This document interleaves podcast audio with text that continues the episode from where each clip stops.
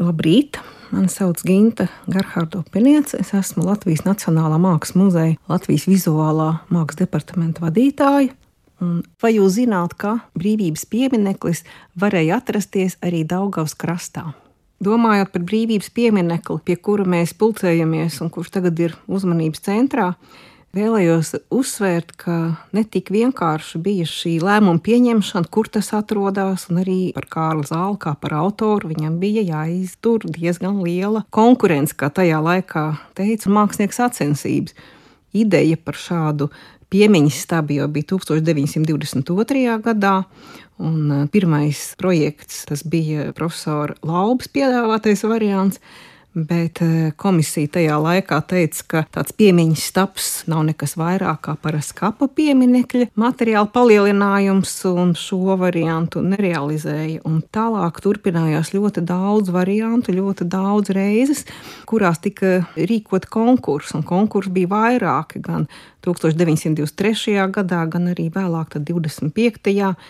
Bet, ja mēs runājam tieši par šo konkursu, kas bija 23. gadā, tad arī ministra prezidents toreiz Ikfrīds Mierāvids bija priekšsēdētājs. Un uh, arī bija tāds paradoks, ka nevarēja izvēlēties vienu variantu un teica, ka varbūt uzaicinātie mākslinieki izvēli varētu izdarīt ar lozēšanu.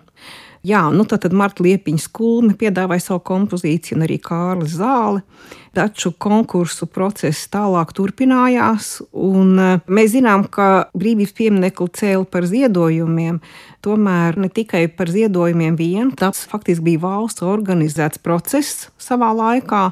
Un uh, tikai 1929. gadā sākās šī īstā pieminiekļa īstenošana ar aicinājumu celsim brīvības pieminekli.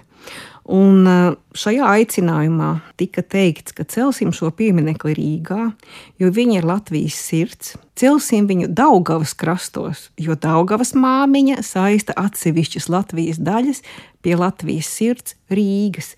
Tā tad bija ideja par pieminiektu Daugavas krastos. Un arī mēs varam apskatīt dažādus uzsaukumus, piemēram, Kraus akvareles vērasts par to, ka jāvāc šie līdzekļi.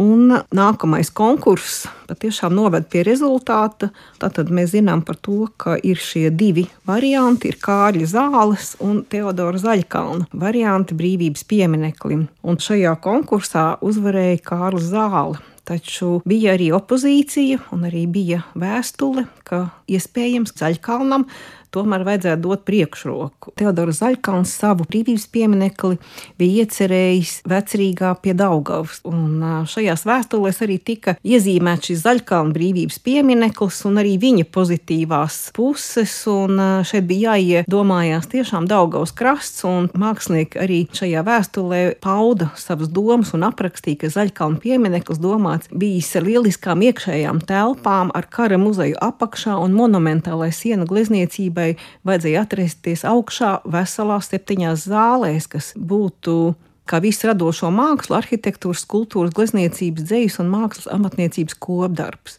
pie kam katrs indivīds te varēs brīvi radīt, ievērojot tikai vispārējo pieminiekļa harmoniju.